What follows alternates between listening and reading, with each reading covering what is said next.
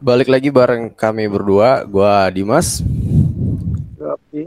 dan ini adalah A Podcast. sebuah podcast. Pada kita recordnya di pagi hari yang cerah, meskipun gak cerah-cerah banget karena di, di luar lagi hujan. Apa? Oh, kan kita beda beda beda lokasi, Bro. beda alam bro. Beda alam, siap.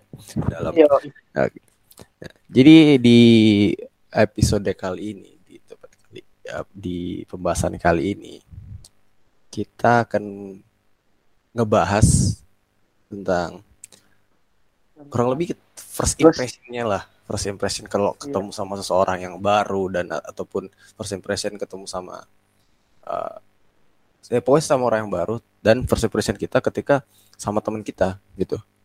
Nah, yang terus- sebenarnya terus, nantinya apa tuh? gua harapnya kita obrolannya bakal berlanjut ke bagaimana kita menerima diri sendiri dan akhirnya berdamai dengan diri sendiri. ya oke Gua ngarep gitu. mungkin Ya. mungkin eh, Abdi mic lo di deketin dikit lagi Bentar, bentar, bentar. oke Gimana? nih? Dah jelas? Nah. Halo, tes, tes. sip Udah jelas? Ya. Oke. Ya. Nah. Ah, jadi mau mulai dari mana nih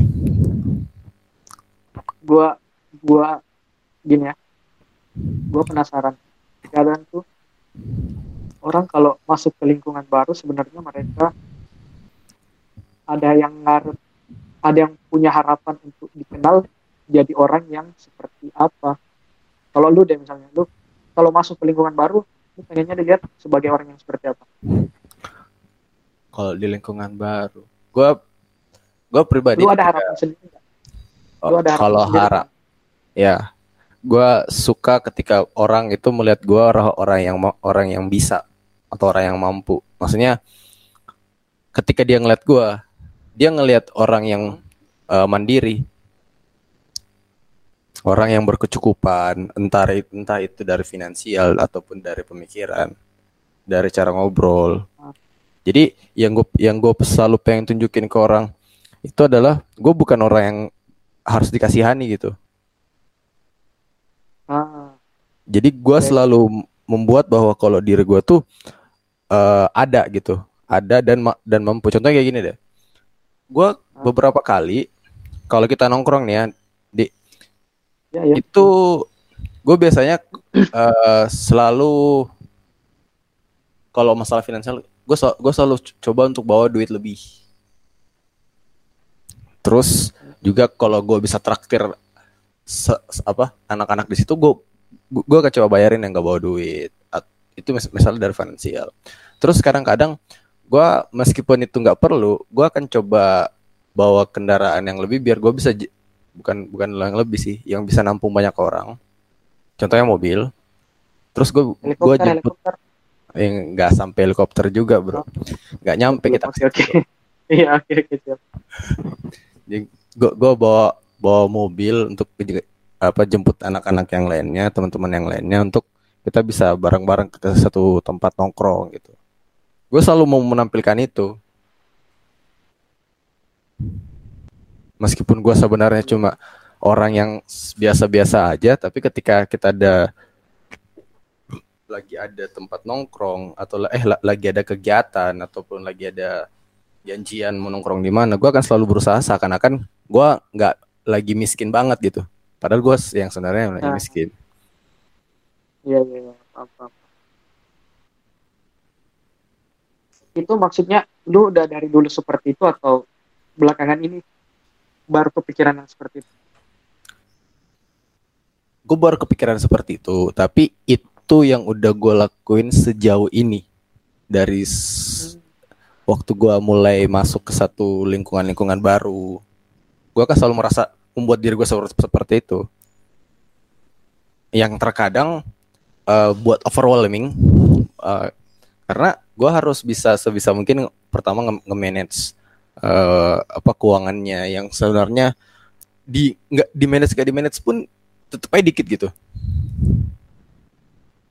Nah, tapi menurut gua ya kalau lu nyoba yang mencoba tampilin seperti itu berarti lu harus maintain harus ngejaga uh, impression yang seperti itu terus enggak sih? Atau cuman hanya berlaku untuk awal-awal aja ntar kalau makin ke belakang pada makin ngerti duanya gimana lah. Gue selalu gue sebisa mungkin kalau gue kalau kalau ini ini masih tentang finan bukan tentang finansial sih kalau masih berada sedikit relate sama finansial. Kalau misalnya nih hmm. gue ada ajak nongkrong sama anak sama salah satu teman gue atau, atau siapa pun itu. Nah gue akan coba memaintain hal itu first uh, impression seperti itu jadi kalau misalnya dia ngajak gue jalan terus gue nggak ada duit sama sekali gue nggak akan pergi meskipun itu anak-anak rame uh, dan itu udah dia segala macam. Gue gak akan pergi. Karena gue tahu ketika gue pergi ke sana gue hanya mempermalukan diri sendiri. Ya.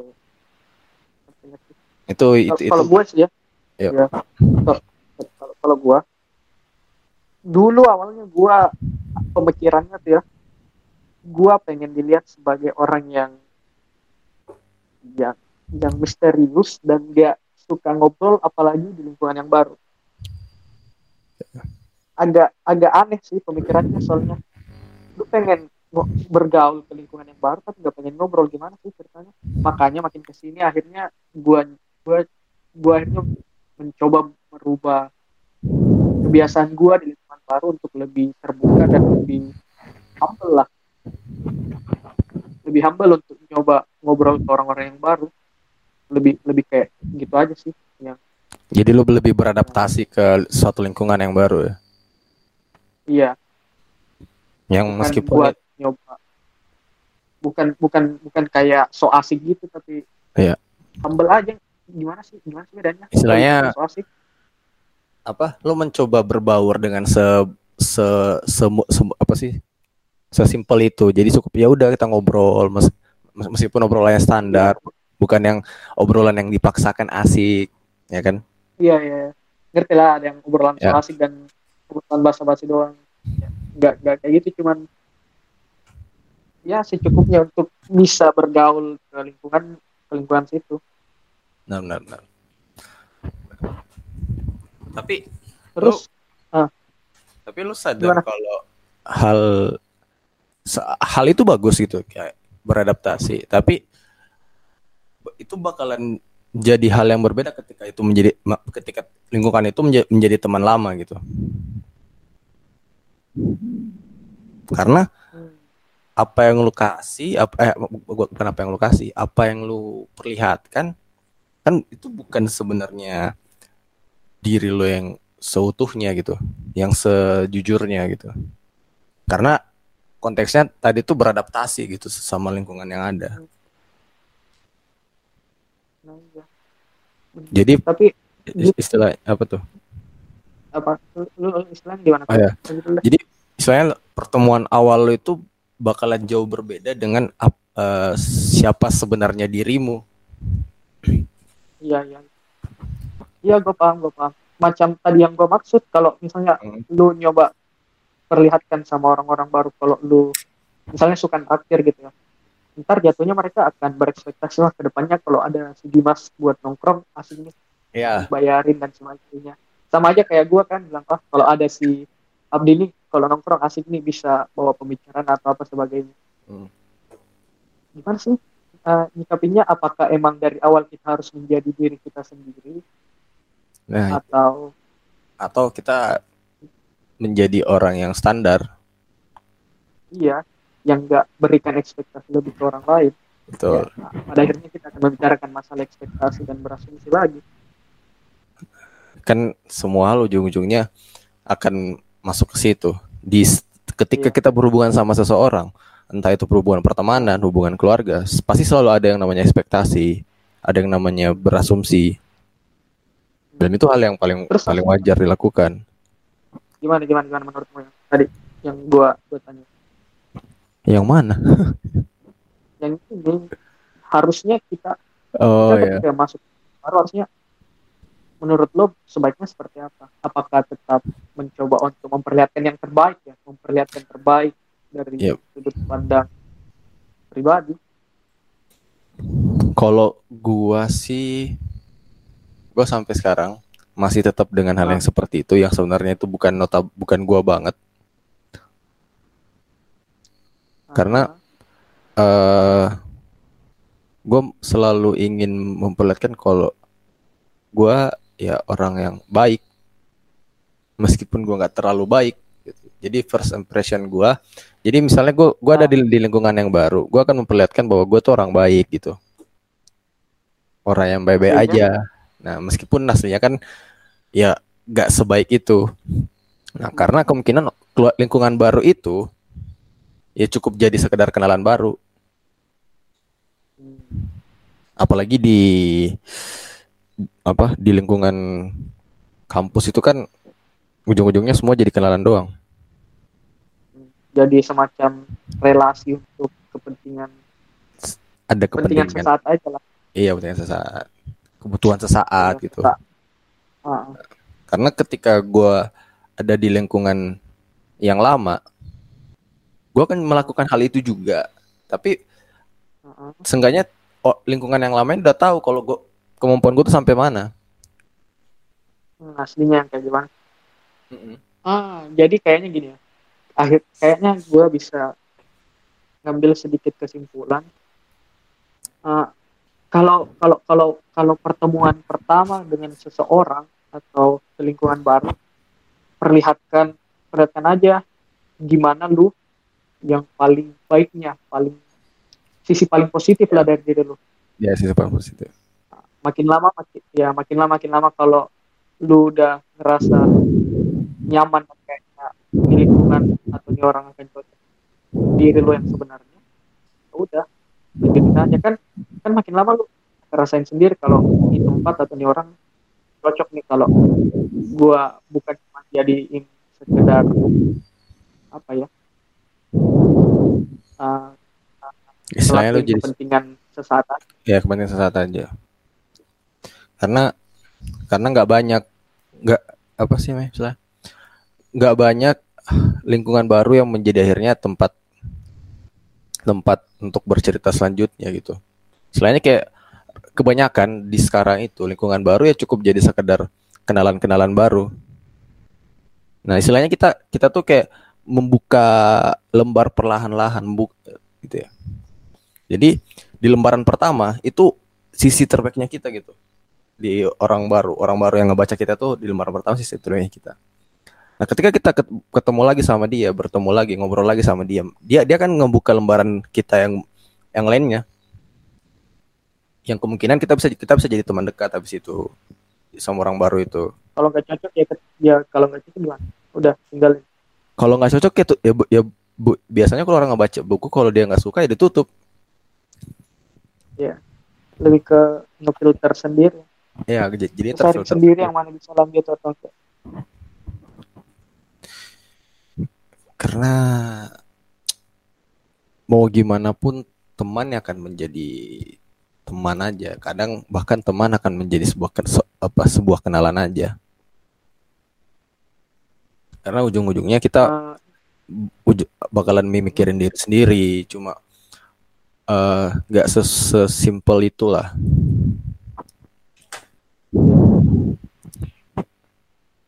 Tapi begini man. Maksud maksudku tuh eh, bagaimana?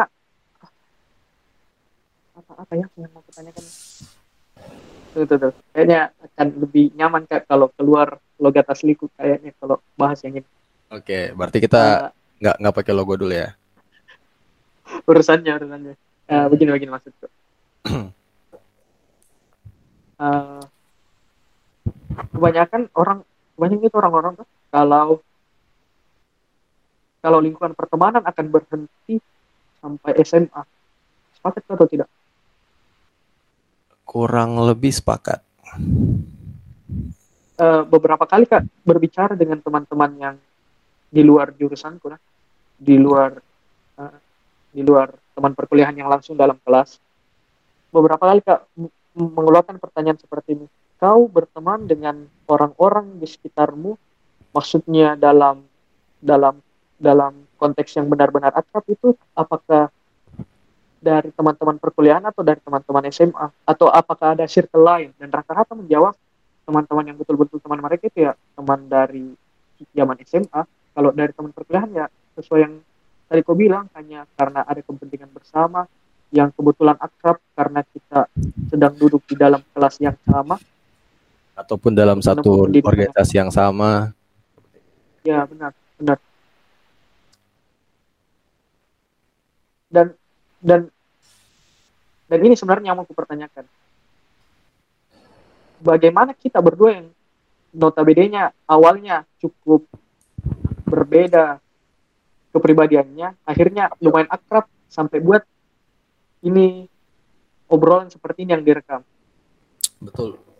Gimana itu sebenarnya? Bagaimana bagaimana caramu bisa filter seseorang untuk yeah. kau anggap bilang ini orang yang layak atau ini orang yang cocok sama saya untuk saling berbagi cerita. Karena kalau saya nah saya pribadi jujur yeah. ada ada perasaanku ketika lihat seseorang baru di lingkungan yang baru. Yeah ketika kulihat ah, ini orang tidak cocok kak. Dan turn out akhirnya ini orang buat masalah di lingkungan itu. Bukan bukan saya mau bilang kalau saya ini cenayang atau apa tapi beberapa kali kak merasakan hal yang seperti itu. Ada ada filter sendiri kan ketika ketemu sama orang baru? Iya betul ada feeling sendiri entah karena tingkah lakunya. Mungkin di luar sana mungkin juga ada orang yang yang merasa seperti itu kayak apa ya ada sensenya untuk merasakan seseorang ah ini orang asik nih. Walaupun walaupun walaupun tidak begitu akrab belum begitu akrab dan belum begitu banyak ngobrol tapi dari kau lihat dari tingkah lakunya beberapa kali kalian ngobrol cerita ini orang asik nih Kok ada rasa seperti itu tidak? Ada filter sendiri kan ketika ngobrol sama orang. Ah, ah, ah. ah. Selain kayak uh, tombol lampu lah. Kalau kita ngobrol sama orang itu kita pasti bakalan ngerasa kalau orang ini cocok, bakalan keklik sendiri. Ah. Uh, saya ada ada ada selalu ada feeling seperti itu. Ah, betul betul. Nah, itu yang aku bilang. Bagaimana kita berdua bisa akrab menurutmu? Apakah referensi, referensi bacaan atau apa? Kan kan kalau menurutku pada akhirnya itu orang akan nyaman ngobrol dengan uh, partner bicaranya dalam konteks teman atau hubungan ketika mereka bisa membicarakan sesuatu uh, yang sebenarnya mereka ingin bicarakan tapi perlu pancingan dulu ngerti yang kayak muka tanya, muka ngobrol ini tapi tidak enak kalau saya ngobrol langsung. Harusnya ditanya sama seseorang tentang ini. Yang kayak gengsi untuk cerita tapi ya butuhlah pancingan dia untuk cerita. Nah, gua buat bagaimana aku bahasakan jadi yang yang sebenarnya lu, lu bahasakan itu setiap orang tuh pengen menceritakan masalahnya. Uh -uh. Tapi kita nggak pengen tiba-tiba out out of nowhere entah dari mana langsung bilang oh gue ada masalah seperti ini nih gue punya ya ya ya benar benar benar. Itu nggak gitu, mungkin lu tiba-tiba ngobrolin seperti itu. Nah biasanya kita butuh butuh trigger dulu. Ah ya. Butuh seseorang yang akhirnya membuka pembahasan di topik itu. Hmm, Karena notabene-nya kita bakalan selalu mencoba untuk menutupi ke kekurangan, ke menutupi apa istilahnya uh, flow-flownya kita. Hmm, ya. Karena kita nggak pengen orang melihat melihat kita dalam apa satu sisi yang satu sisi yang lemah itu aja. Karena kalau kita membuka cerita, kita akhirnya membuka sisi lemahnya kita. Yang yang bisa jadi ketika kita menceritakan itu, pertama mungkin kita lega. Dan kita merasa bahwa orang yang kita ceritakan ini uh, adalah orang yang cocok untuk kita ajak ngobrol seperti ini. Tapi kan terkadang ada juga beberapa yang sekedar ingin tahu meskipun kadang-kadang nggak terlalu peduli sama pembahasannya. Iya, ya. kadang ada orang yang sekedar penasaran aja bukan peduli dengan cerita yang itu ceritain.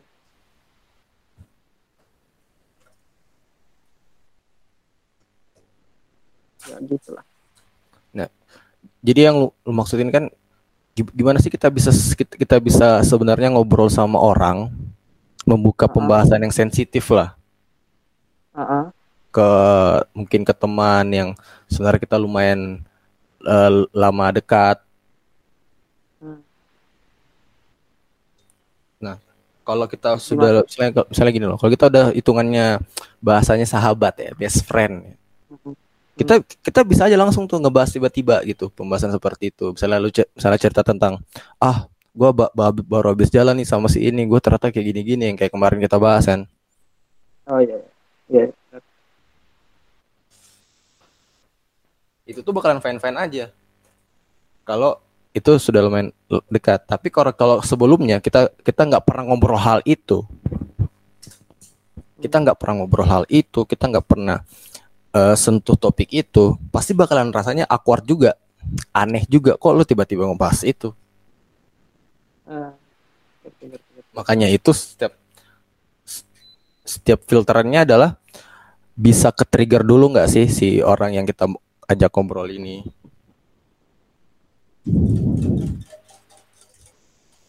Atau atau atau pemba atau penjelasan gue terlalu ngebingungan ya? Ngerti ngerti ngerti. Gue ngerti. Yang poinnya sih kalau emang ada feeling klik di awal yang meskipun itu feeling kliknya mungkin setelah kenal dua atau tiga bulan setelahnya pasti bis, bakalan ujung-ujungnya kita kita bakalan bisa ngobrol sama seorang itu. Sama kayak inilah menemukan teman yang cocok itu sama seperti cari pasangan juga. Karena iya, ujung-ujungnya teman juga bakalan terfilter. Tapi kan ini gini gua gua juga mikir pertemanan itu ya ya udah gitu gue rasa pertemanan berhenti di sampai SMA aja. Nggak ada yang benar teman-teman. Kita teman banget setelah lewat masa setelah SMA, SMA benar.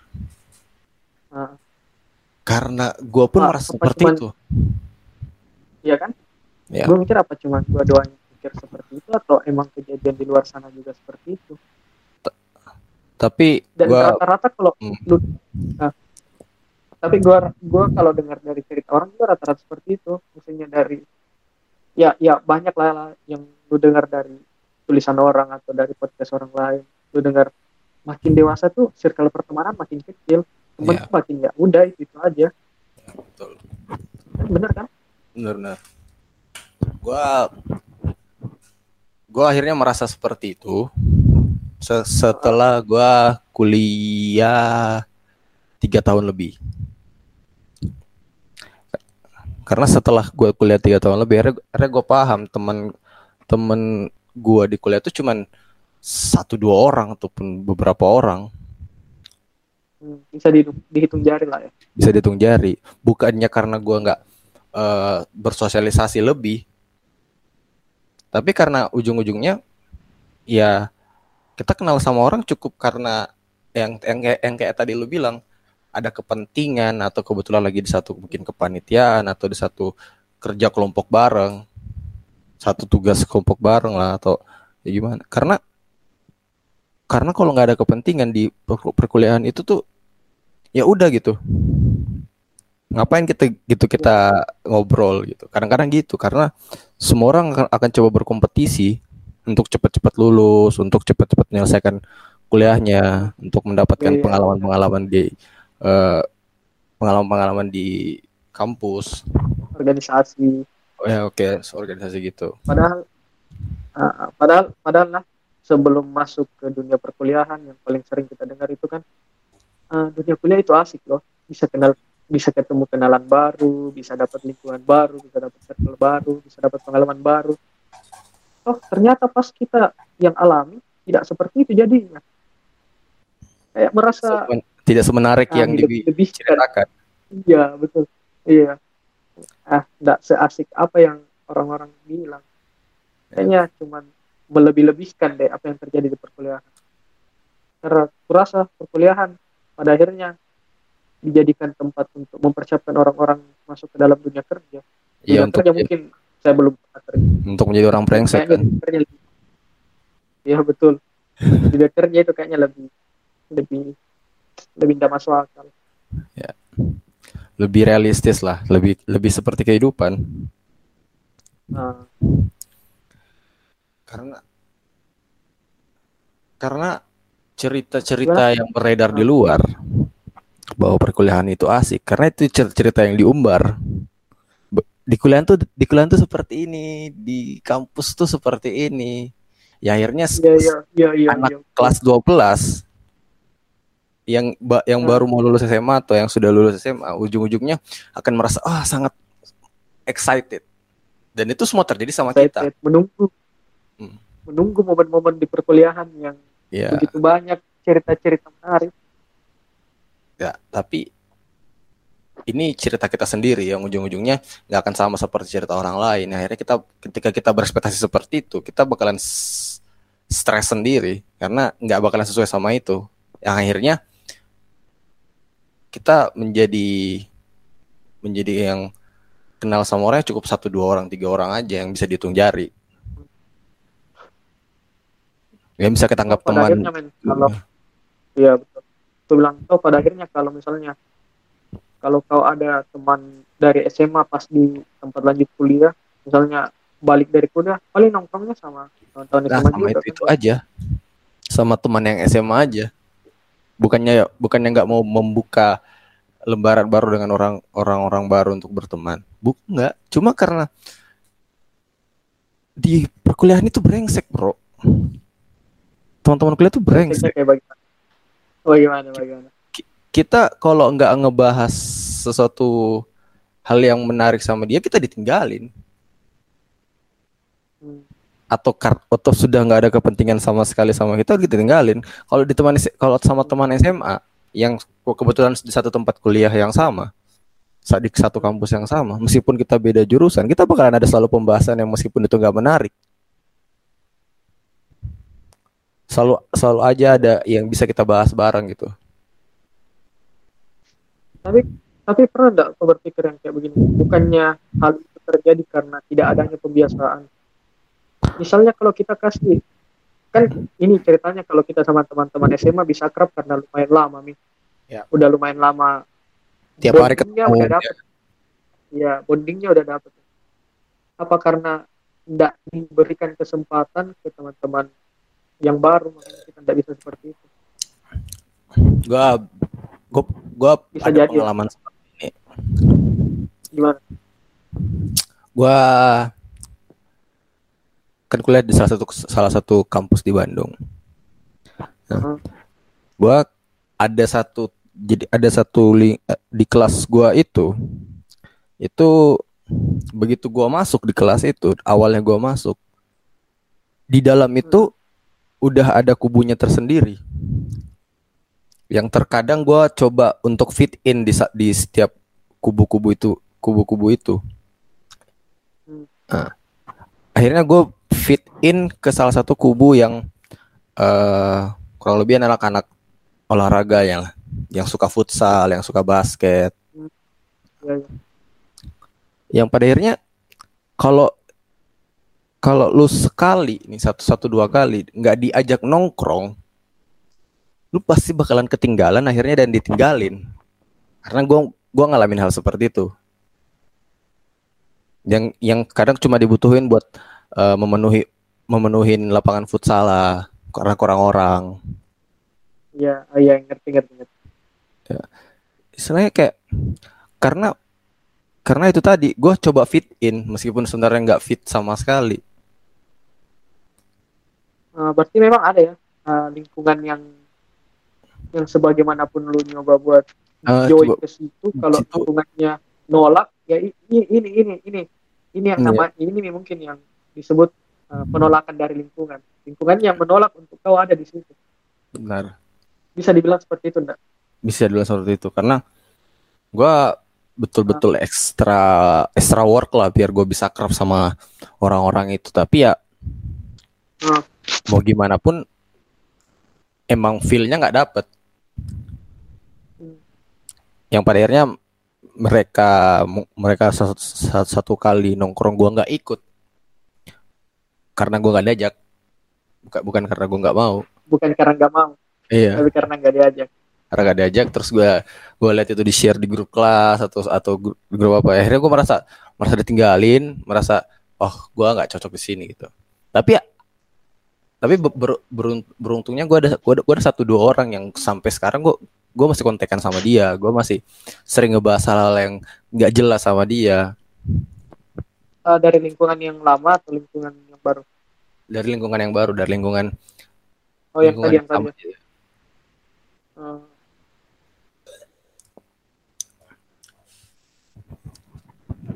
malahan gue sekarang ini lebih merasa akrab sama junior ataupun senior yang yang kita emang ketemu bukan karena sesuatu bukan karena apa bukan karena eh, mem- memaksakan keadaan. Kita memang ketemu karena kita kita suka ngobrol bareng kita ada topik yang sama gitu. Akhirnya bisa lebih akrab sama mereka dibandingkan sama teman yang tadi gue coba fit in. Tapi temen lu banyak gak sih waktu former glory ya Sip. Ja- former glory Jawa waktu ke mana? waktu masih jaya-jayanya. Eh, waktu masih ke zaman kejayaan gua. Gua masuk ke kampus. Gue sepanjang di jalan di di daerah kampus sebelum gua sampai di parkiran parkiran motor ataupun sebelum gua sampai di kelas gue minimal dalam satu hari gue pasti gua nyapa 3 sampai lima orang lah di di berpapasan. Gue kenal banyak orang dan orang ke- banyak kenal gua. Entah itu dari organisasi inilah dari eh, panitiaan inilah dari sinilah dari jurusan ini jurusan ini jurusan ini. Gua hampir punya teman di seluruh jurusan. Buka- punya kenalan di seluruh jurusan. Bisa dibilang gue ter nggak terkenal banget sih Ya, tapi di, di tahu lah orang tahu gitu Ah. ya cukup tapi populer lah cukup, cukup populer populer untuk dilihat dengan dilihat oleh Ya. dilihat sama orang-orang Tapi ketika ketika masa itu selesai, ya udah gitu. Mereka nggak ada mereka nggak ada nggak ada ngobrol lebih lanjut lagi. Gua coba eh, mendekatkan diri juga, ya gua rasa mau waktu karena mereka juga nggak terlalu memikirkan itu lagi karena ada yang mereka kejar. Akhirnya kan semua orang ujung-ujungnya mikirin diri sendiri, ambi- ambisi diri sendiri, ambisi diri sendiri. benar benar benar mengejar kepentingan masing-masing Bener. Dan kita nggak bisa salahin itu karena kita harus mem- memikirkan diri sendiri dibandingkan orang lain dulu. Makanya gue memaklumin hal seperti itu dan mengiyakan apa yang mereka lakukan. Akhirnya nggak mengganggu nggak mengganggu eh, orang-orang lain lagi. benar ini ini kayaknya uh, dari dari apa yang lu bilang dari apa yang lu bilang dan akhirnya Iya. kau tinggalkan teman-temanmu kayaknya kau cukup bisa ji cukup bisa untuk apa ya ber memulai pertemanan dengan orang-orang yang baru Gue walaupun pada akhirnya tidak tidak Oh, sih ya.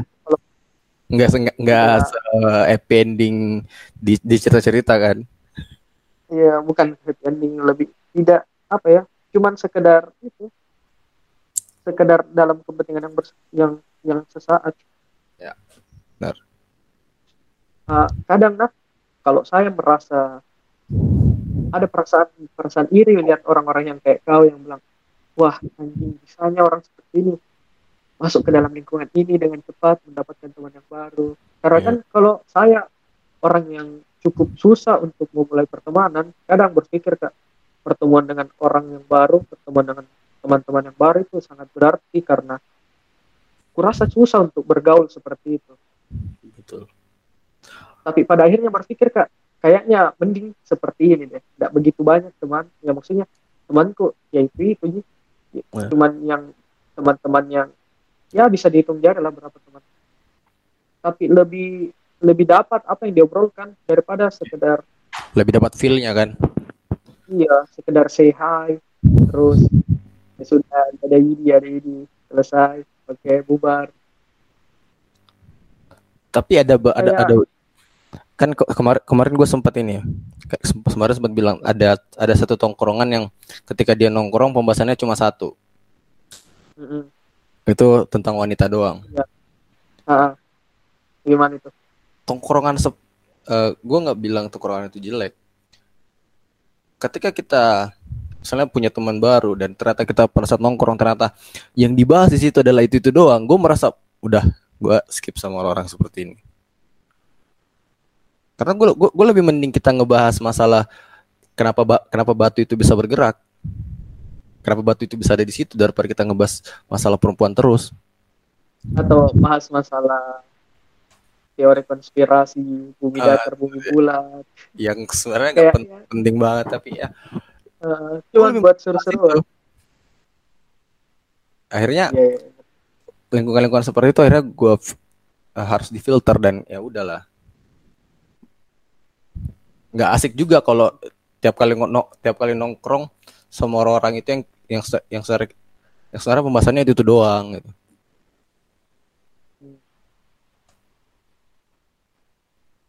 Ya mungkin ini kayak dead end dead end pembahasan gitu tapi ya inilah yang kita pikirkan gitu.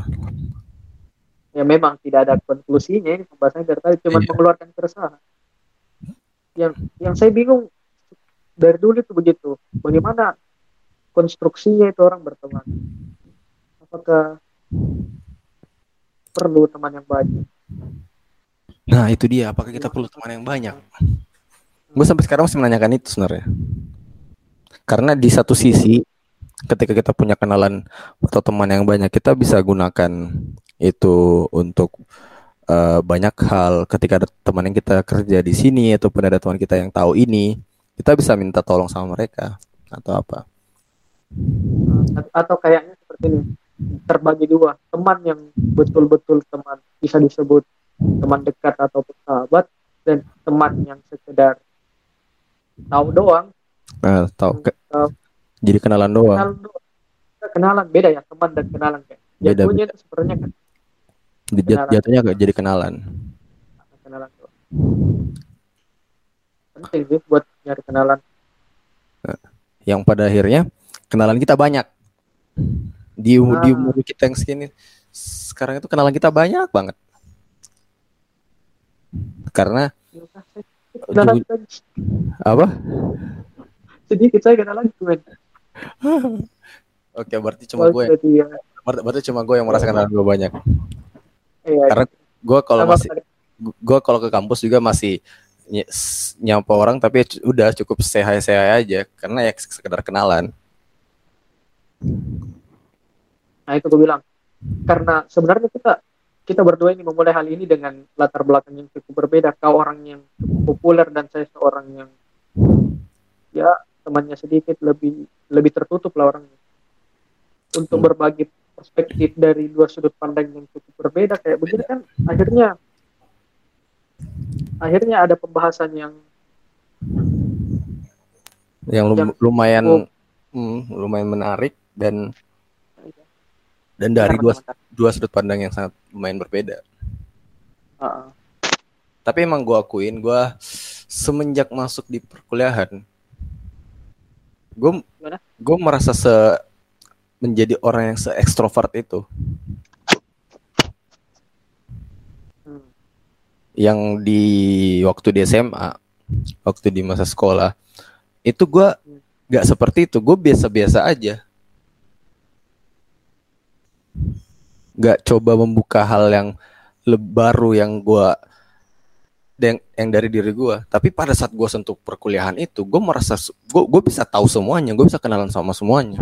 Yang di mana gue nggak bisa ngelakuin itu di SMA karena Kayaknya itu yang buat pengalaman di perkuliahan Ah. ya, pengalaman cuman sekali gitu. Sebenarnya ini batas akhirnya kita bersekolah gitu jadi laku jadi mindset gue dulu itu lakukan apa aja yang yang yang apa yang menurut lu bi- bisa gitu dan akhirnya gue mengeluarkan seluruh apa inner si masa in, masa inner power enggak bukan true identity Apa? lah true identity Hmm. ya kan? diri gue yang sebenarnya gitu karena gue akuin dulu waktu SMA gue lumayan lumayan culun. Kenalan cuma sama anak kelas.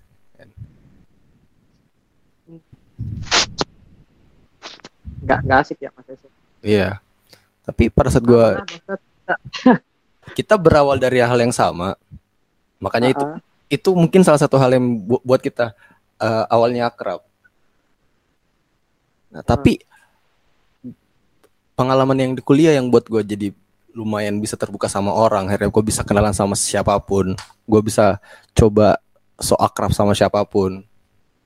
Gue akhirnya punya banyak kenalan.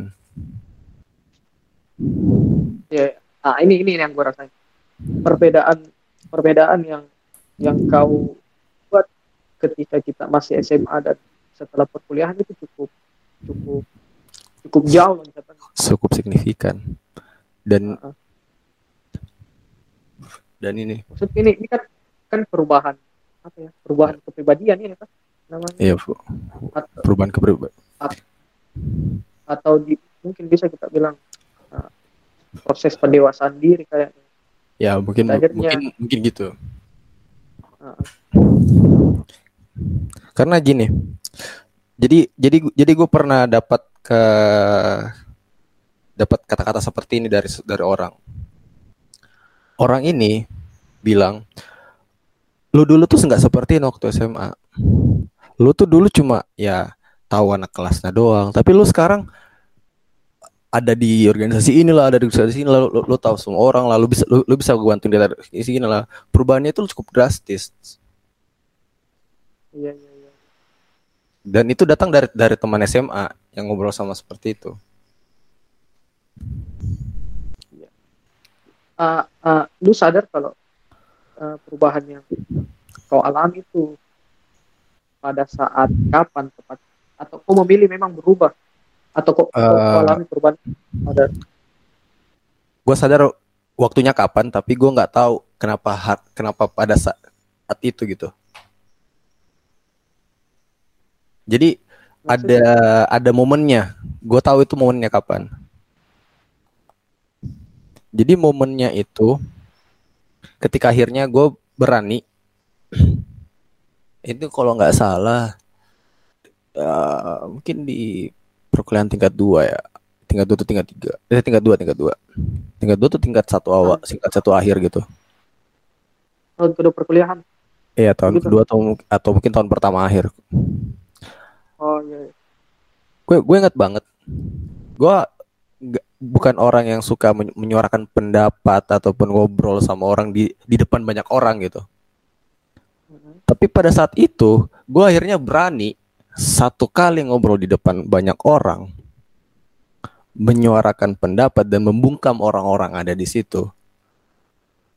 Dan setelah setelah saat itu gue tahu kalau akhirnya eh, bukan tiba-tiba apa hidup gue berubah enggak gue tahu di situ itu, itu titik balik gue bisa jadi orang yang lebih terbuka lebih bukan lebih terbuka seperti itu lebih bisa ngobrol sama banyak orang bisa lebih jadi ekstrovert yang bisa kenal sama banyak orang lebih bisa jadi lebih populer.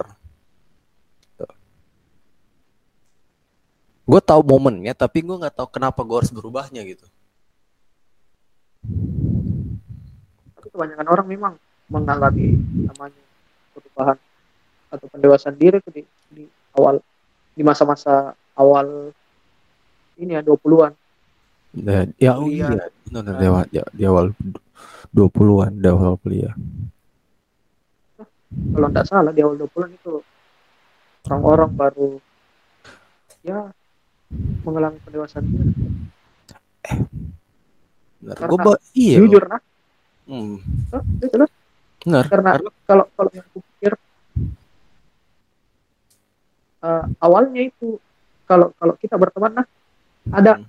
ada ada perasaanku yang kayak tadi aku bilang Ay, tidak cocok ya kalau ngobrol sama ini tidak cocok ya kalau main sama ini anak ke kau pada awalnya waktunya SMA Ya. tapi kan kan sempat sempat kak lost contact sama semua orang dari kuli dari zaman SMA atau Yep. dan baru pikir lagi ketemu di di tahun covid di tahun covid tahun lalu baru. Yep.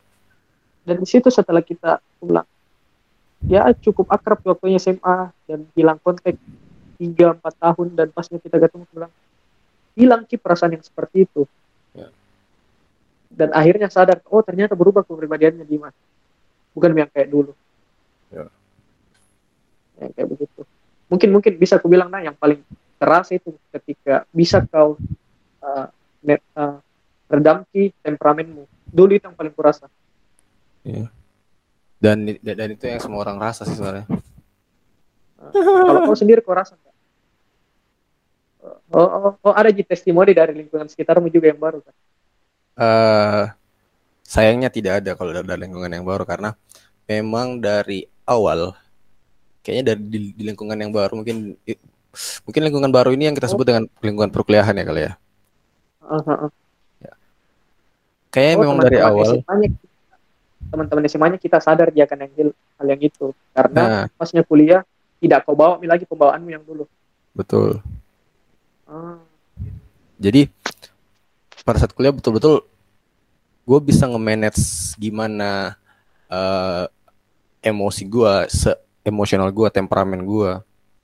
hmm. karena gue ngerasa itu tadi gue nggak nggak selalu harus membawa kepribadian itu. Karena itu kan kepribadi- kepribadian yang buruk yang temperamen yang marah yang marah di mana aja kapan aja. Yang akhirnya gue merasa gue harus merubah itu. Yang akhirnya gue bisa sampai sekarang gue gue bisa nge-manage itu.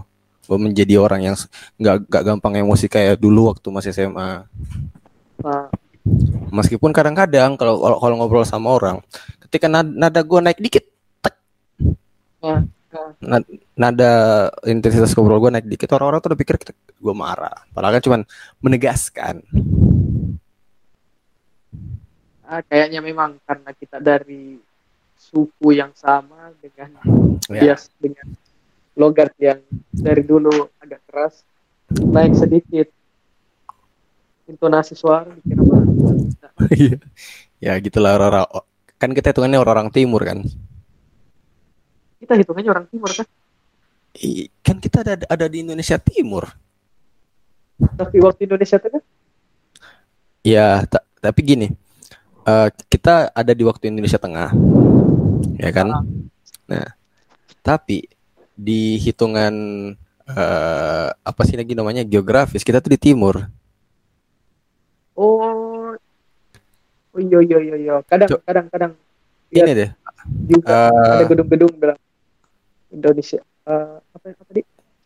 Ini sepak bola sepak bola asal kita? Sama apa? Sebutannya kan Laskar Ayam Jantan dari Timur. oh iya betul betul. Hitungannya kita memang Oh, karena awalnya awalnya awal. cuma dibagi dua Indone- Indonesia Barat sama Indonesia Timur. Makanya eh, di kalau di kalau beli nomornya Indosat dulu tuh namanya Sulam Papua. apa sulam Sulam Papua tuh Sulawesi, Maluku, Papua. oh It- itu itu Oh, istilahnya satu gitu. regionnya gitu. Lu nggak tahu? Oh, enggak. Saya setahunya enggak, tapi kan yang yang kayak sering kulihat juga gedung-gedung misalnya gedung PLN pusat untuk daerah Indonesia Timur, ada yang kayak gitu Iya. kan? Betul. Ah, Dan dan Iya, it- sering dan salah satu yang bikin gue sadar kalau kita hitungannya itu Indonesia Timur adalah di Telkom. kenapa di Telkom? Jadi Telkom itu eh dia ngebagi regionnya itu Indonesia Timur sama Indonesia Barat. Karena gue kan gue pernah apa kerja di sana bentar gitu. Dan mereka ngebagi itu. Dan gue akhirnya nanya. Dan akhirnya gue dapat apa ilmu bukan dapat wawasan seperti itu. Oh iya, Unhas juga kalau nggak salah kampus terbesar di Indonesia Timur, Iya kan? Kampus kampus terbesar di Indonesia Timur. kampus terbesar di Kenapa? Indonesia Timur. Kenapa nggak dibilang kampus terbesar di Indonesia Tengah? Padahal kita hitungannya waktu Indonesia Tengah. Ya, Pembagian anu cuman pembagian apa namanya G, GMT begitu Ya, GMT berapa. Apa apa minta tadi dibahas ah, sering ada intermezzo ini ya waktu ya. Nah, Iya, perubah akhirnya perubahan-perubahan dari menghilangkan karakter. temperamen. Ya, kecepatan Yang disadari cuma- berubah. terkadang sebenarnya kalau gue sendiri ya, gue nggak tahu kenapa gue bisa berubah. Tapi gue tahu tidak ada hal kalau yang gue rubah itu salah. gitu. Maksudnya gue merubah, gue gue meninggalkan hal itu karena itu salah gitu. oh iya Ya. ya, Jadi misalnya ya Ya, yang kayak kan, dewasa diri mulai mulai mengenal diri sendiri lah akhirnya ya gue ya itu gue mulai mengenal diri sendiri. Gue gue mulai paham sama diri gue sendiri. Tapi gue belum menemukan, jati diri. Karena masih terlalu dini untuk menemukan jati diri sebenarnya. Karena jangan sampai gue gue bilang gue udah nemuin jati diri, tapi ternyata sebenarnya enggak sama sekali. ini kan masih proses mencari jati diri Ya, tapi gue mulai memahami diri gue masih dan gue terlalu mudah ya Hmm. gue mulai memahami diri gue dan akhirnya gue perlahan-lahan bisa berdamai. Bahwa gue tuh ya udah gue tuh orangnya gini. Ya. jadi kalau lo apa kalau sudah mulai berdamai dengan diri sendiri? Eh, konsep berdamai dengan diri sendiri. Maksudnya gini loh. Bagaimana konsep berdamai dengan diri sendiri? Oke. Apakah kau menerima dirimu sendiri? Nggak adanya, atau kau coba perbaiki apa yang salah dari diri? Sepe Membahas sebenarnya. se, setahu gue ya opini gue berdamai diri sendiri itu Hmm. artinya kita ketika kita buat kesalahan kita tahu kita salah dan kita akan merubah itu tapi kita tidak menjadikan itu sebagai alasan terus menerus gitu. Bahwa saya bahwa saya nggak bisa saya, saya saya buat kesalahan ini saya buat kesalahan itu. Akhirnya menerima menerima kalau kita yang salah kita nggak menyalahkan orang lain atas atas hal yang itu. Dan kita akhirnya menyadari bahwa ya batasnya kita seperti ini dan akhirnya kita paham bahwa diri gue tuh cuman sebisa-bisanya gini. Gue nggak gue memaksakan kadang bagus kalau untuk hal yang eh, tidak berlebihan. Tapi kita juga harus tahu bahwa kita kita, kita sendiri tuh punya batas. Dan kita nggak boleh terus terus ter- kalau kita terus terusan menyalahkan diri sendiri atas suatu keadaan yang terjadi sama kita kita nggak akan nggak akan bisa berdamai sama diri sendiri kalau kita udah mulai bisa menerima kesalahan-kesalahan yang kita buat dan kita coba memperbaiki itu tanpa terus-terusan berkabung dengan masalah itu dengan kesalahan itu kita udah bisa menerima diri sendiri. Udah bisa berdamai Ah, sama berarti- diri sendiri. Berarti ya berarti jatuhnya saya belum masih masih belum berdamai dengan diri sendiri masih belum menerima Tapi harus- ya betul. Masih dalam tahap memperbaiki diri masih tahap dalam tahap mencapai batas yang Ya. Ah, batas semaksimal mungkin dari diriku sendiri.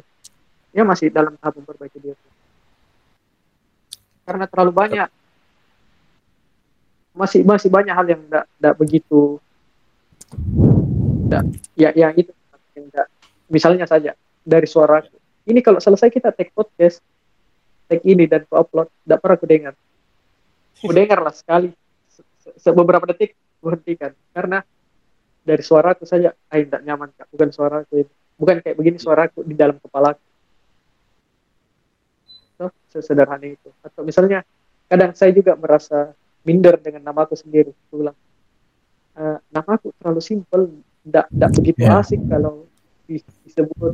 Kadang ada orang yang kayak bagaimana kalau namanya disebut? Dan saya juga tidak bagaimana nih, terlalu terlalu terlalu simpel nama tidak ada juga nama panggilan kan kalau kadang orang ada nama panggilannya Iya. dari namanya kerennya begitu kalau kayak saya Ya Abdi, dengan nama aku juga sih.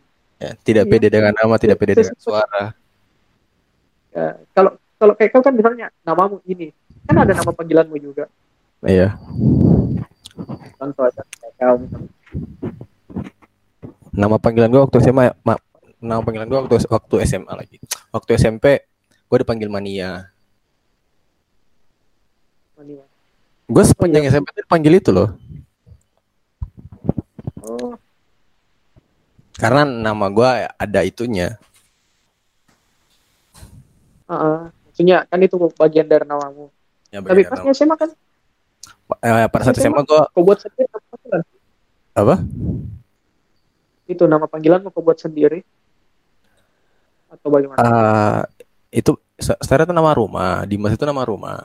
Tapi karena aku pikir daripada Oh. or- sebelum orang mencapnya sendiri, jadi waktu gue masuk ke SMA, gue daripada gue dicap duluan, mending gue mencap diri gue sendiri.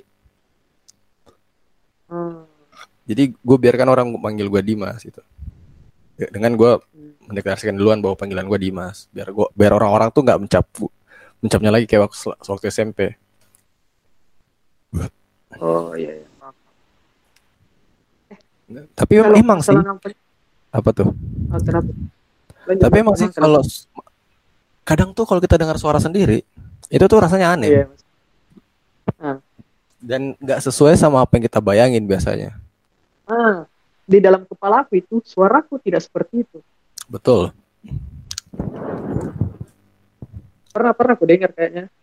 Ah, ah, kayaknya di telinganya kita kita sendiri itu ada autotune untuk mengatur bagaimana kalian dengar suaranya kalian sendiri.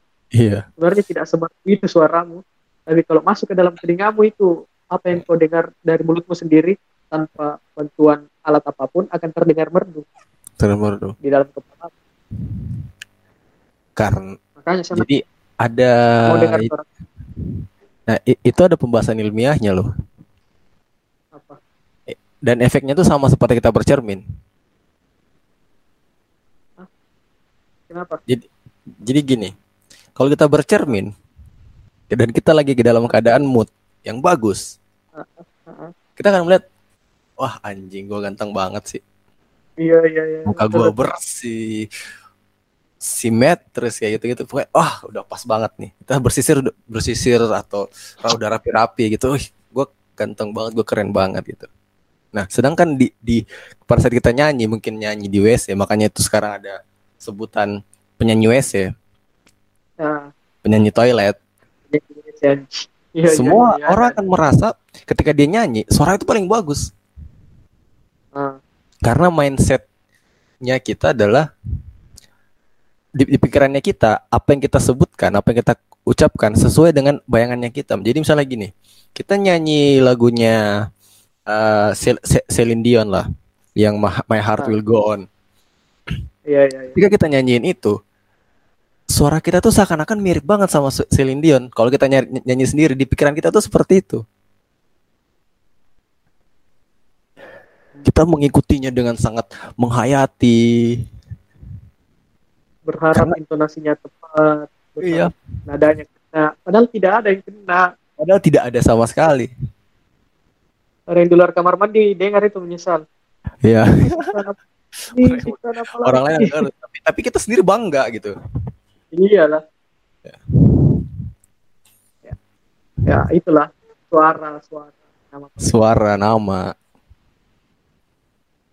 tapi kadang-kadang Ah. emang gue mikir nama itu Ah, sayangnya nama itu pemberian sih Sa- satu-satunya hal yang ya hal yang hal yang. Iya yang Beda- kita beda kita nggak bisa rubah gitu Tapi sebenarnya teman kuliahku ada yang memanggilkan dengan sebutan lain. apa Abdul Ah, bukan, itu kan anak teman-teman dari SMA. Oh. Dan entah kenapa dipanggil Abdul. Teman teman kuliahku ada panggil ke entah celaan atau apa. Tapi ya ya kan saya orangnya santai ketawa-ketawa, ya tidak begitu ambil pusing dengan masalah. Ada ada teman yang panggil ke Mike. Dan sampai sekarang pun masih dipanggil kayak seperti itu. Jadi akhirnya ikut-ikutan teman-teman yang lain. seperti Mike Mike seperti Mike Mike Mike Mohede mereka bilang mirip ke Mike Mohede entah entah celana atau apa tapi oke lah terbawa sampai sekarang masih ada kadang yang panggil kak dengan sebutan itu ya kadang-kadang orang memang, emang suka memudahkan mulut mereka untuk ngobrol untuk memanggil nama dengan ses sesukanya dia tapi ya udahlah ya. Ya gitulah emang orang eh, orang-orang di sekitar itu memang seperti itu. Kadang-kadang nama kita yang udah baik-baik nih hmm. nama kita yang udah terbiasa dipanggil seperti ini karena dia merasa tidak cocok dan dia merasa melihat sesuatu hal ada yang berbeda dia dia mulai memanggil nama yang lain seperti tadi uh, anak-anak di, di tempat kita biasanya manggil lo Abdul, terus ada yang manggil Mike. Nah, iya. iya teman-teman. Untuk mempermudah mereka sendiri lah. Iya, tuh, tapi tapi tapi jujur nah, saya lebih suka kalau ada nama panggilan yang diberikan sama orang-orang daripada aku kenalkan diriku dengan namaku sendiri. Yep. Maksudnya kalau kayak dia anak tuh, yep. kalau dipanggil ke Abdul pulang, oh iya, istilahnya ada ada ada karakter sendiri yang mereka pikirkan. Oh ini orang lebih cocok namanya kayak begini kayaknya kalau dipanggil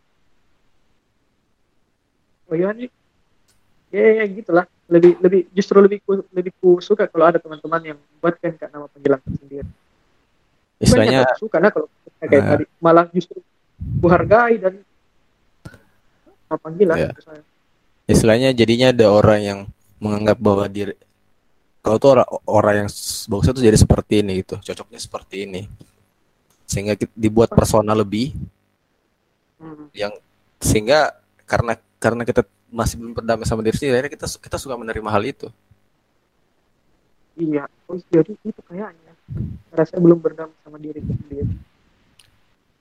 Jadi masih kita bisa menganggap diri kita bahwa kita orang lain. Masih senang kak untuk menerima apa yang diberikan orang lain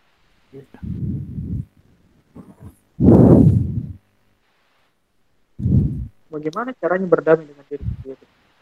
Selain tidak ada cara lain selain untuk uh, menerima kenyataan kalau memang ya, apa adanya seperti itu.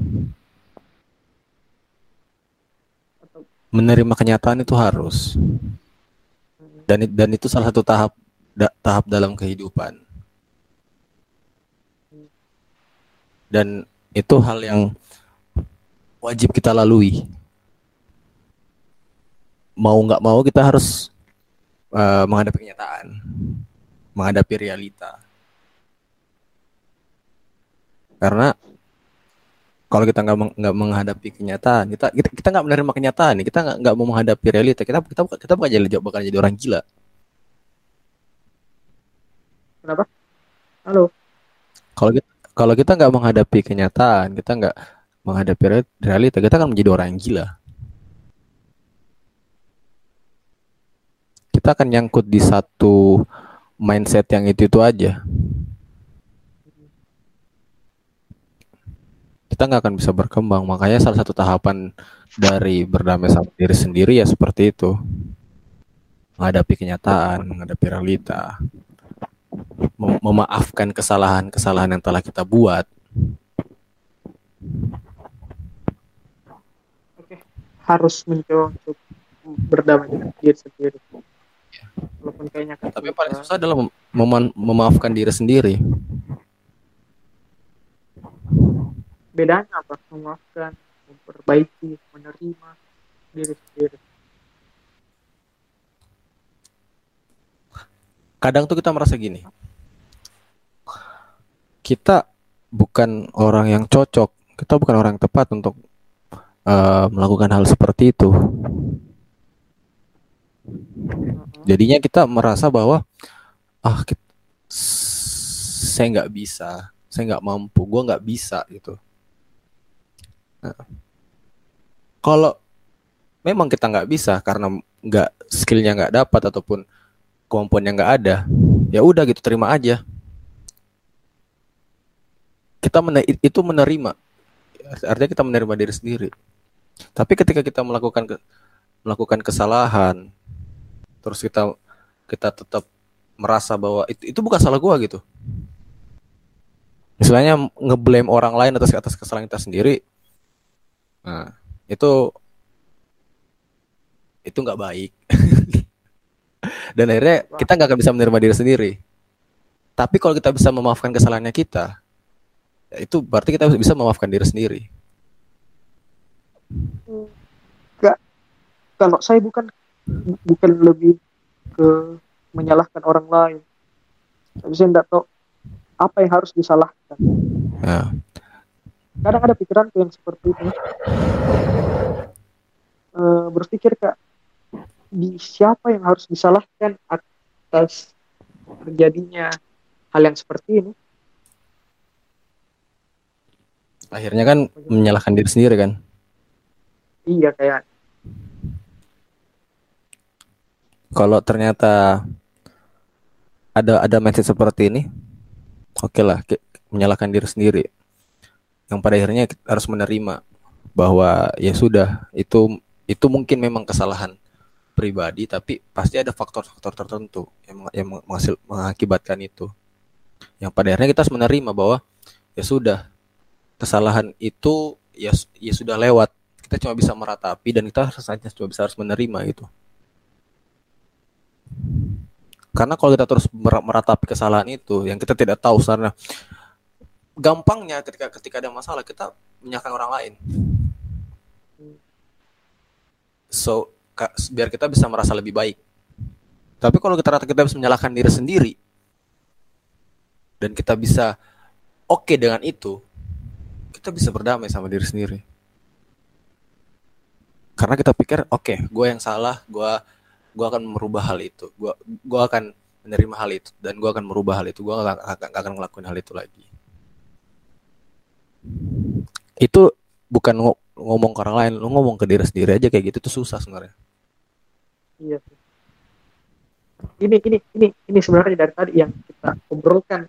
Cukup abstrak mungkin kalau orang lain dengar karena Iya. ada permasalahan yang yang yang kau sudah tahu apa masalahku dan saya tidak perlu ceritakan lagi. ya Ya mengertilah tapi karena oh ya tidak tidak tidak harus semua orang tahu tahu apa yang yang, yang menjadi permasalahan. Ya, jadinya agak abstrak tapi ini yang mau bilang sebenarnya karena eh, karena terjadinya masalah rasa yang bentuk kepribadianku dulunya orang yang begitu tertutup dan tidak tahu. Dan sekarang saya coba untuk memperbaiki diri dengan akhirnya bisa lebih eh, ngobrol lah sama orang lain. Ya lebih terbuka sama orang lain kan? Kalau dulu kalau dulu kan tidak bisa sekali yang sekedar ngobrol. Sekedar ngobrol itu perasa lu susah men. Ya. bukan susah tapi tidak perlu lah ngobrol sama ya ngapain kan? Kadang-kadang ah, ah, iya. Aku rasa kalau sekarang akhirnya. Karena terlalu lama aku sendiri pikir eh, apa terlalu lama aku simpan sendiri pikiranku. Pada akhirnya sekarang jadi jadi kepengennya untuk cerita cerita saja cerita saja sama orang. Kayak kayak poser kayak poser yang orang yang baru kenal suatu uh, musik misalnya tuh merasa merasa kenal sekali dengan bidang itu. Padahal baru kita terjun sama kayak yang sekarang merasakan kayak merasa banyak sekali pengalaman banyak sekali hal yang mau dicerita. Padahal ay dulu tidak ada apa-apa ya beginilah akhirnya. Terlalu terlalu banyak ingin yang, yang hal yang ingin diceritakan tapi dulu disimpan semua sendiri. Akhirnya meluap semua kan? Hmm. banyak hal random yang dicerita ya masih masih dalam tahap untuk memaafkan dan menerima diri sendiri lah sekarang. Tahap kan kalau kayak kau tadi yang kau cerita sudah sampailah di tahap untuk menerima diri sendiri. Ya gitu gitu.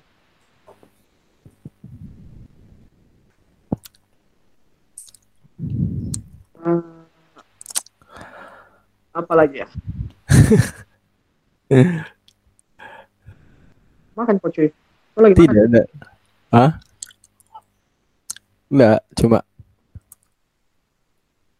Terkadang kita perlu merenung sebentar, terus mengingat apa yang telah kita bahas. Dan biarkan kita merasa bahwa pembahasan itu harus meresap ke diri sendiri bukan cuman untuk kita ceritakan. Terkadang harus ada perasaan-perasaan seperti itu yang membuat kita harus merenung sebentar diam sebentar iya sih terkadang diam itu jawaban Mak. terkadang terkadang jawabannya tidak. tapi ujung-ujungnya tetap harus ngobrol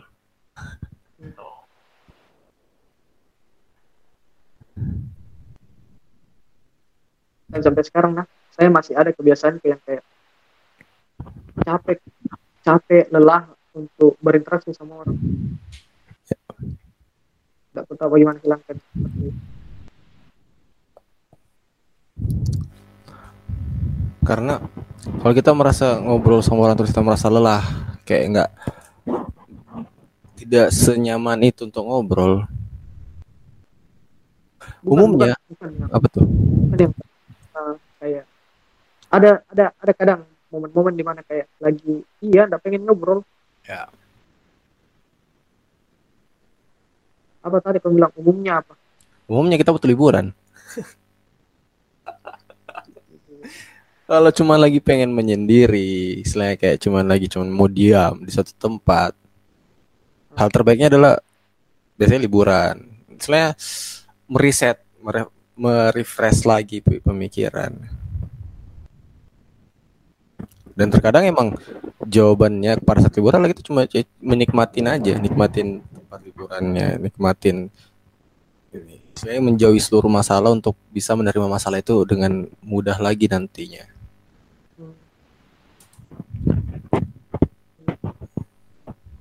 Ya emang kita yang kayak ngobrol nonsens tapi inilah yang terjadi di setiap hari di, di, di hampir semua orang ini ini ini tuh obrolannya orang-orang lagi. Orang lagi kalut yang lagi banyak masalahnya. Ketemu dua orang. Ya. Ya sudah jadi begini obrolannya. Sama-sama mengeluh sama-sama mengeluarkan isi pikiran. Ini tempat untuk cerita saja. Karena kita buka karena kita bukan podcast untuk menjadi orang yang lebih ba apa menjadi orang yang eh ah, bukan menjadi orang kita, buat podcast ini bukan karena kita lebih baik daripada semua orang yang sehingga kita bisa menjelaskan hal seperti ini. Iya. Karena kita orang yang bermasalah. Kita orang yang biasa-biasa saja yang punya banyak masalah. Ya akhirnya kita tuangkan seluruh pemikirannya itu dalam bentuk cerita dalam bentuk cerita random. Lalu kita bagikan. Jangan kita- kaget kalau nanti ke depannya kita cerita masalah konspirasi dunia saya mulai terpikir untuk cerita seperti itu. Loh bisa jadi. makin lama saya saya saya begitu lah. Kalau makin lama cerita sama orang makin makin random kadang pemikiranku. Tiba-tiba mau mau cerita masalah konspirasi dunia masalah ya. apakah yang lagi ramai sekarang. Tahu Neil deGrasse? Siapa itu? Temanmu Neil deGrasse Tyson itu. Salah satu astrofisik yang biasa kita dinonton di apa sih namanya di Nat Geo Cosmos Ah. gitu. Kalau di pembahasan pada umumnya bumi itu cuma bulat sama datar, dia bilangnya bumi itu kayak buah persik. Intermezzo, udah, udah, udah, sudah itu. Oh, yang bawa persik itu yang Buah persik, yang kayak Buah pantat pir. itu tuh buah pir, beda buah persik sama buah pir beda ya. Pokoknya, buah persik yang kayak pantat oh bukan, bukan, buah pir. Berarti yang maksud Buah buah pir. pir yang- Buah pir. buah pir yang kuning tuh Yap. Ah, ah. Buah pir maksudnya buah pir. Ah, iya.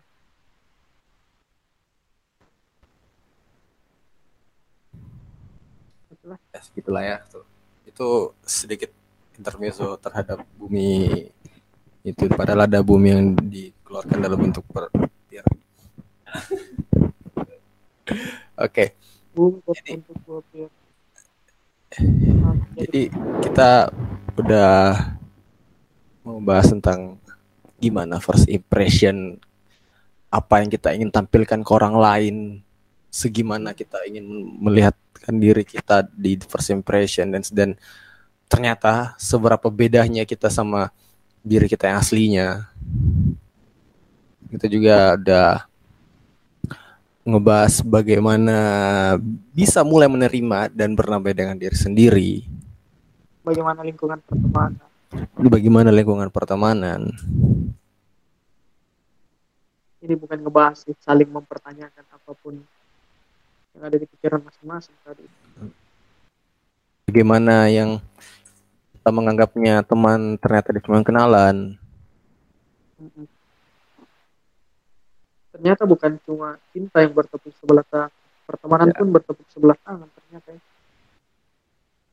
coba fit in padahal fit in di satu iya. lingkungan ya. padahal cuma lengkap gitu ya. dan akhirnya ditinggalkan kita anggapnya teman ternyata mereka anggapnya cuma kenalan ya.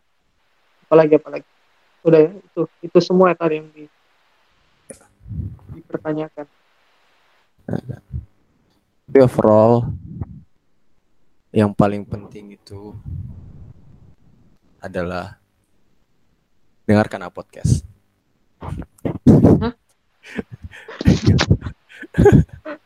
Kan orang mau dengar atau tidak. Ini ke depannya akan menjadi artefak ya.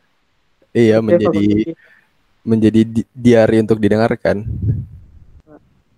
kau bayangkan enggak kalau ke depannya ya 10-15 tahun ke depan misalnya kita teringat akan ada obrolannya kita yang seperti ini terus kita cari yeah. dan ketemu akan merasa sangat cringe ternyata anjing ini kita dulu apa yang dibikin ini kayak yang mempertanyakan dunia kayak dunia murun padahal iya, merasa ada apa-apanya.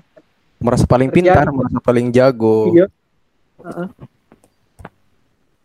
ya semua orang akan mengalami fase yang seperti ini. Maka jangan terlalu kalian judge itu orang-orang yang sedang sedang mengalami fase seperti ini. Biarkanlah orang-orang berekspresi. Ya sedikit-sedikit di di judge lagi sedikit-sedikit nah apakah begituan kau buat? Tidak penting. Ya tidak penting untuk kau tidak penting untuk kita. Memang tidak penting. Sebenarnya memang tidak penting. Jadi kenapa dibikin tapi kalau dipikir ujung uh, bukan ujung-ujungnya sih. Tapi kalau dipikir ini kan demi kebaikan kitanya aja sebenarnya. Biar gimana kita bisa tetap waras ngobrol. Gimana kita akhirnya nanti ketika nanti 10 15 tahun menemukan rekaman ini lagi dan akhirnya merasa cringe dengan diri sendiri ya. Ya suruh-suruh aja. Emang pemikiran kita pada saat ini emang seperti ini aja. Bukannya berarti itu kalau ber misalnya 10 sampai 15 tahun ke depan tuh baru kita temukan lagi atau kita ingat pernah lakukan hal seperti ini. Dan dan merasa malu dengan apa yang terjadi yang sudah kita lakukan sekarang. Berarti pada saat ke depannya itu kita sudah berkembang loh. Wah, ya betul. Sejauh apa? Sudah sejauh apa ternyata perubahan yang terjadi? Entah dari cara bicara ngobrol pola pikir. Ini sebagai bukti bahwa kita pernah pada masa yang paling seperti inilah bukan rusak mungkin ini masa yang mungkin rusak tapi pernah lah di dalam keadaan yang seperti itu.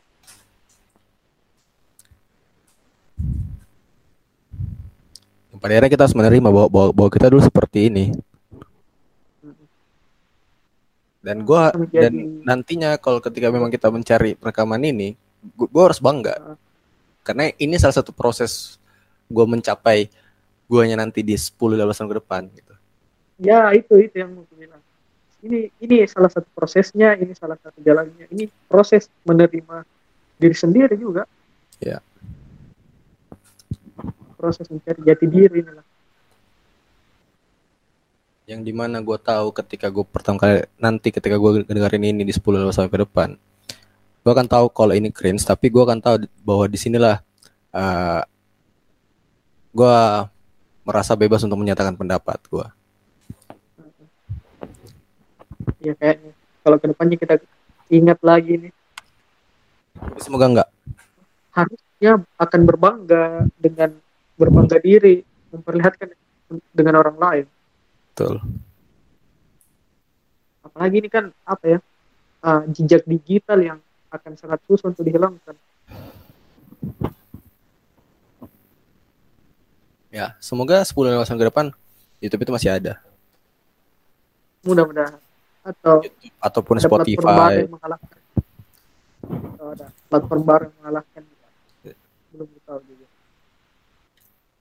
jadi ya kalau gue sih ngerasa kayaknya udah cukup sih buat se buat Iya. episode kali ini buat sesi kali ini. Sesi ini ya sesi session. Dan ya paling itu kok lo, gimana? Masih ada mau ditambahkan? Kayaknya udah itu aja. Ya. gua masih uh, belum ada kepikiran lagi yang mau bahas yang apa yang selanjutnya gua. berarti udah kita sampai di penghujung episode dan gua Dimas tapi ya see you in next episode. Dan ini adalah a podcast. Buat podcast. Bye. Ya